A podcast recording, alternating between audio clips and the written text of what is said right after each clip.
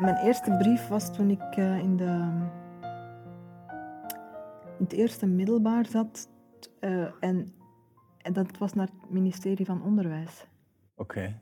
Omdat... ehm, Ja, in 12 of 13 jaar. Ja, wel, ik was Ja. inderdaad... En ik heb denk ik vijf bladzijden geschreven naar het ministerie, omdat eh, mijn broertje en twee zussen mochten niet ingeschreven worden in de buurtschool. Oké? En dat was toen een regel eh, dat, je, ehm, dat scholen kinderen van eh Marokkaanse of Turkse origine konden weigeren wanneer zij van mening waren dat, eh, ja, dat ze al genoeg ehm, kindjes van vreemde origine op school hadden. Dus dat was een, een speciale regel die dan daarna wel, wel, wel is afgeschaft. Maar ik heb toen eh, ehm, een klacht ingediend bij het ministerie om te zeggen van, dat dit racisme is en dat dit niet kon. En dat mijn broertje en twee zusjes naar die school moesten gaan en dat we geweigerd werden. Dus de scholen schreven dan wel eh, witte kinderen in, maar eh, weigerden ehm, kindjes van kleur. Dat was eigenlijk mijn eerste officiële protestbrief. En dan heb ik een hele lange brief ook teruggekregen en een, ik denk zelfs een telefoontje waar ik eh, complimenten kreeg van eh, de ambtenaar omdat de brief zo aangrijpend was. Echt? en mijn broertje en eh, zusjes zijn ingeschreven. Nee. Echt? Mhm. Cool. Ja, heel cool. Om maar te zeggen, je, je moet je nooit neerleggen bij een nee. Hè? Je gaat zo meteen luisteren naar het gesprek dat ik heb gevoerd met Rashida Lamrabet. Rashida is vooral bekend omdat ze als juriste bij Unia ontslagen is. Ehm, het is een kunstenares die ook verder heel schone werken maakt. Eh, heel blij was dat ze de tijd wou nemen om meer bij ons aan tafel te komen zitten. Wat vond jij van het gesprek, Tom? Veel te kort. Eh, ze moest ergens naartoe. Ja, Ehm, en dat was super jammer, want ze kwam zo echt goed op dreef en dan was het zo plots gedaan en bleef echt wel... Allee, we we gaan ze sowieso uitnodigen voor een, voor een tweede gesprek, denk ik. Het is, Ja. het is super cool, maar het stopt echt op een moment dat ik denk, nog! ja, wat dat een schoon teken is, vind ik ook Ja, wel. eigenlijk wel. Dat het dan... eh, Ja. Ja, het is waar. Ik had dat gevoel ook. Het- het bl- Ik zat ook vaak aan het gesprek met Olivia te denken tijdens dat we maar aan het praten waren dat er een paar heel interessante parallellen zijn. Of, of dat het Ja. verder gaat waar we met Olivia zijn gestopt en ja, het is cool misschien eerst nog eens naar Olivia te luisteren of te kijken. Ja. dit. Ik ben vrij hangen in mijn hoofd bij dat, bij dat beeld van eh, en dat, die, dat ze niet op die school mochten zitten omdat, hij omdat er te veel kleur was. Het, het is echt wel iets... eh dat moet vrij denken aan een ster gewoon. Ey, dat je zo... Dat, dat echt gesegregeerd zo. Dat, dat, dat- echt zo een... En het ironische is, is dat, ehm, dat die maatregel er net kwam om segregatie tegen te gaan. Men wilde gemengde scholen, maar ja, dat zette dan wel de deur open voor een beleid waar scholen naar goedkeuren leerlingen van kleur konden weigeren. Dat was Ja, heel erg... ehm, Ja, ja, het raar. Ja, als dat dan de manier is waarop je dat oplost. We denken aan een stuk uit, uit het boek waar dat je schrijft over Unia. Kan een instituut zoals Unia wel effectief iets doen aan racisme als het ingebed zit in een politieke structuur of in Mhm. een beleid dat ergens dat niet waarachtig of niet echt probeert op te lossen? Mhm, Zo mhm. die, die tegenstelling dat er, van zij is- moeten ergens conformeren aan dat Mhm. beleid. Ze hebben een hele moeilijke positie. Hè. Ik, ik, ik heb daar nu 16 jaar gewerkt en ehm, ik moet zeggen, de, de collega's ehm, zijn ongelooflijk eh, gedreven eh, mensen en, en echt, ehm, gaan er ook echt voor, maar, maar ze zitten vast in een, in een, in een corset. Mhm.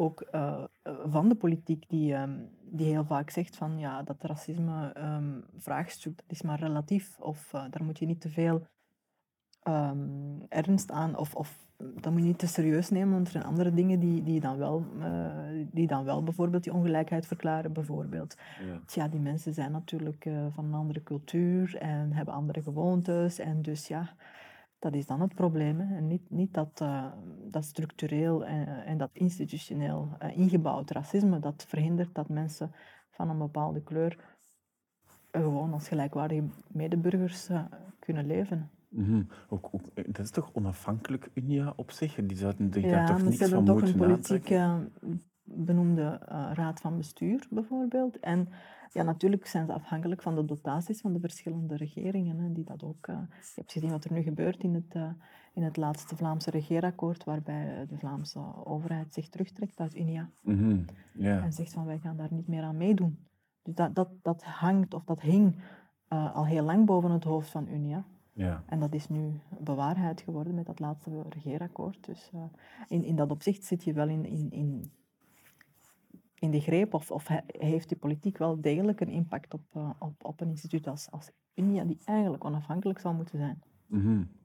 Ja, want het is- ja, misschien was dat dan ook wel nooit de juiste vorm waaronder dat zo'n centrum kon bestaan, zo ingebed of met, met een politiek benoemde raad van bestuur. En is, is dat dan misschien zelf in de bigger picture niet zo erg dat, dat die dotatie stopt en dat er daardoor ruimte komt of terug aandacht komt om het op een andere manier opnieuw te proberen?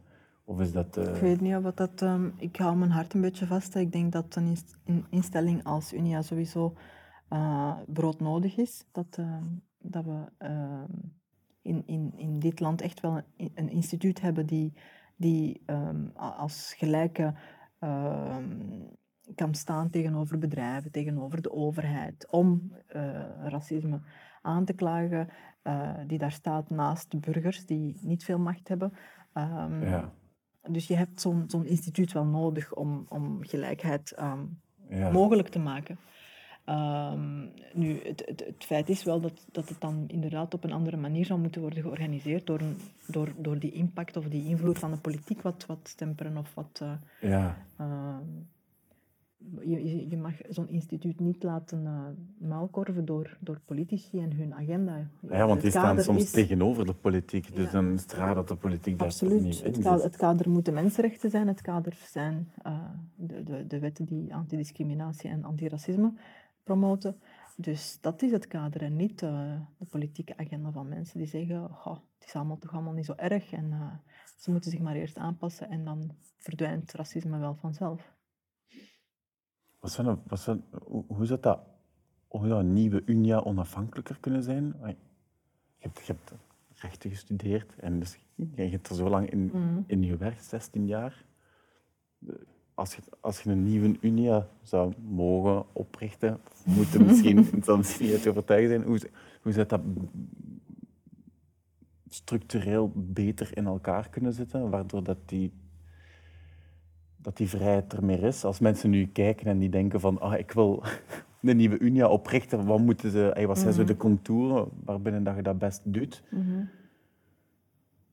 Ja, ik, ik denk dat je alvast moet beginnen met ehm, de, de raad van bestuur niet politiek te laten eh, eh, benoemen. Dat, dat, niet, dat die politiek niet Klinkt al vrij logisch. gerepresenteerd moet worden. In, ja, voilà, in, dat is inderdaad de, al, de, al de eerste stap. Ehm, dat we daar al mee beginnen. Ehm, Moet je ook niet eigenlijk financieel onafhankelijk zijn van de overheid ergens? en wie gaat het dan financieren? Goeie vraag. Ja, vandaag zie je dat als het gefinancierd is door de overheid, dat ergens zitten we in een periode dat je, ja, don't bite the hand that feeds you, dat je, Dat je dan toch doet wat de overheid van je verwacht. ja, Mhm. dat is de reden waarom dat wij subsidies weigeren, omdat we het gevoel hebben dat dat Ja, maar ons zou muilkorven op een zo'n instituut kan natuurlijk niet, niet functioneren zonder, middelen. Dan wordt het Nee. inderdaad nog meer een, een, een hond zonder, zonder tanden. Ja, ja. Maar dan moet Ehm, het misschien en- giften zijn of privégeld. Of... Het is ook een beetje de taak van de overheid om, om, om middelen te voorzien voor instellingen die eh, een aantal cruciale taken op zich nemen, die belangrijk zijn voor ons. Hè, zoals bijvoorbeeld het streven naar gelijkheid en, en, het, en het bestrijden van discriminatie. Dat zijn dingen die, die volgens mij echt wel binnen het eh, takenpakket van een, van een overheid zitten. Ja, ja. Ehm, nu, hoe, die overheid dan geld geeft en eh, zich dan verder onthoudt van inmenging, dat is iets waar ik ook geen antwoord op heb. Nee. Ik zit te denken hoe gek dat, dat is. Dat, dat is de taak van de overheid, hoor ik u zeggen, dat dat vandaag de dag gewoon niet meer zo is. Hey, dat die dat zelf vinden. Die Mhm. lijken dat zelf gewoon niet meer Mhm, te vinden. mhm. Ah, crazy, hè? Maar ze vinden het eh, niet belangrijk genoeg of niet urgent genoeg. Of ze vinden het een soort van ehm, triviaal probleem. ehm, waarvoor je eh, dat je op een andere manier, als, als het zich al stelt, op een andere manier moet, moet gaan oplossen. Mensen moeten het maar zelf ook heel vaak oplossen. Ehm, het is een individueel probleem, terwijl dat het dat natuurlijk niet is. Het, is, het, gaat, het gaat over een, een, een systeem dat ook echt ingebed is Mhm. eh, in onze samenleving en waar we ehm, eh, effectief ehm, werk van moeten maken. Het gaat over wetgeving die ook discriminerend is, ja. maatregelen. het gaat over heel veel zaken die, eh, waar, waar een gewone individu niet, niet, niet, niets aan kan veranderen. Dus het moet ehm, via een, op een structurele manier, via een instelling, eh, moet het aangepakt worden.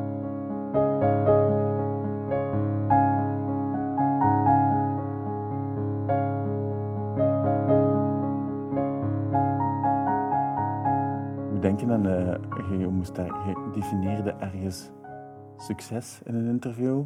Zo, zo, ehm, en ik denk dat de journalist vroeg hoe dat succes dan zo wat een populair boek of zo was. En, en dat jij succes definieerde als dat onze gemeenschap erop vooruit gaat. En dat je dat definieerde als, dat onze gemeenschap definieerde als iedereen die hier woont. En dus, dus zeer breed. Dat zou ja, ook heel vroeg. De, de, de, de kunst die je maakt of zo, ergens wel een, een, ik weet niet, altijd een politieke, ergens een, een, een, een politieke dimensie heeft gehad of zo. eh, Mhm. van in het begin. Het is maar hoe dat je politiek definieert natuurlijk. Ik denk dat alles wat we doen gewoon politiek is. Hè. Als, we, als we het hebben over de conditie van de mens en hoe mensen met elkaar omgaan en hoe mensen eh, dezelfde ruimte met elkaar delen, dat dat gewoon ook politiek is. En welke plek dat we elkaar toen bedelen in die ruimte, eh, op welke manier dat we dat doen, dat het allemaal politiek is. En, ehm, dus dat is onvermijdelijk. Is er dan geen niet-politieke kunst als alles politiek is? Ben ik nu aan het afvragen. Bes- Bestaat dat dan? En wat zou het dan kunnen zijn? Ja, goede vraag.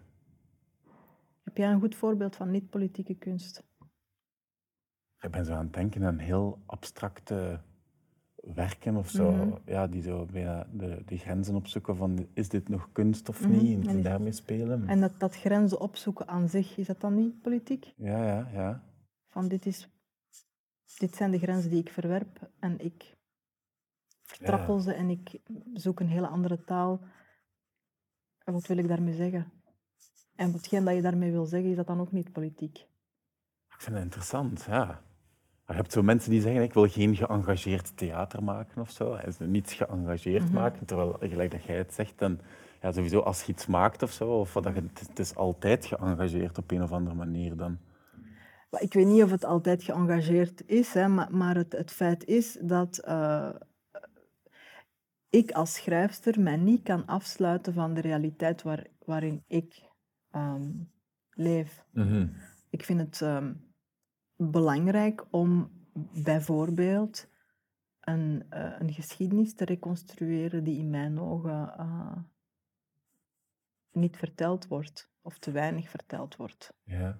om niet te vergeten. Ik vind dat belangrijk, om, om verhalen naar boven te halen die we in, in, onze, in ons collectief narratief eigenlijk niet, niet horen. ja. Ik denk Dat is aan hele- over de wereldoorlog. Dat is een hele Ja. duidelijke keuze die ik maak, omdat ik die verhalen zo belangrijk vind Mhm. voor, voor ons als samenleving vandaag.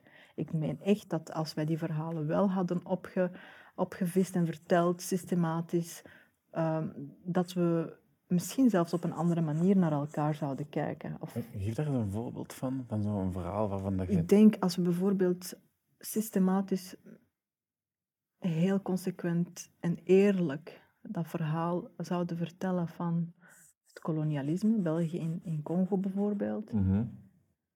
Dat we op een andere manier zouden kijken naar, hoe wij, na- naar mensen die, die vandaag op de vlucht zijn. Omdat we eh, het verhaal van de mensen die nu op de vlucht zijn vaak vertellen van, vanaf het moment dat ze hier bij ons aanspoelen, bij wijze van spreken. Mhm. Maar we, we vergeten ehm, het verhaal te vertellen dat, dat veel verder gaat. Eh, en dat niet alleen maar start in, in de landen van, van waar die mensen komen, maar het ook, dat dat verhaal start van, van heel ver in de geschiedenis. En als we dat zouden kunnen doen, als we die linken zouden kunnen leggen met van, kijk, de, de geschiedenis is een aaneenschakeling van gebeurtenissen die effect hebben op elkaar. Dat is een verhaal van ehm, actie en, en, en reactie van, uh, van oorzaak en gevolg. En dat verhaal vertellen we veel te weinig. Als je dat kader zou kunnen meegeven, zou je mensen kunnen doen inzien dat, uh, dat niets losstaat van, van, van, van, van, van die geschiedenis. Dat, dat het een puzzel is. En dat moeten we onze kinderen onderwijzen, denk ik. Dat doen we veel te weinig. We zouden op een andere manier kijken naar al die grote zogenaamde wereldproblemen. Mhm. Als we dat breder kader meekrijgen. Dat zou, dat, dat zou als, je, als ik je daarover zeg, dan denk ik, dat zou, dat zou het makkelijker maken om het probleem op te lossen, of om er beter mee om te gaan, het beter proberen begrijpen. Dus daar valt echt wel iets te winnen in nieuwsgierig te zijn naar die geschiedenis en de link daartoe. Ik vraag me af hoe dat, dat dan komt, dat, dan niet, ehm, dat we dat toch niet doen. Dat we die puzzel toch niet leggen. Ik weet niet of het dan eenvoudiger wordt om de problemen dan op te lossen. Dat weet ik nu niet. Het wordt meer likely misschien dat je ze opgelost, effectief opgelost krijgt. Ja, nee, je zal ze misschien niet, om, zal misschien niet, niet, niet gemakkelijker worden om ze op te lossen, maar um, je gaat in ieder geval um, geen um, hoe moet ik het zeggen, geen, geen, geen drogre of, of eh, nepoplossingen kunnen presenteren. Ja.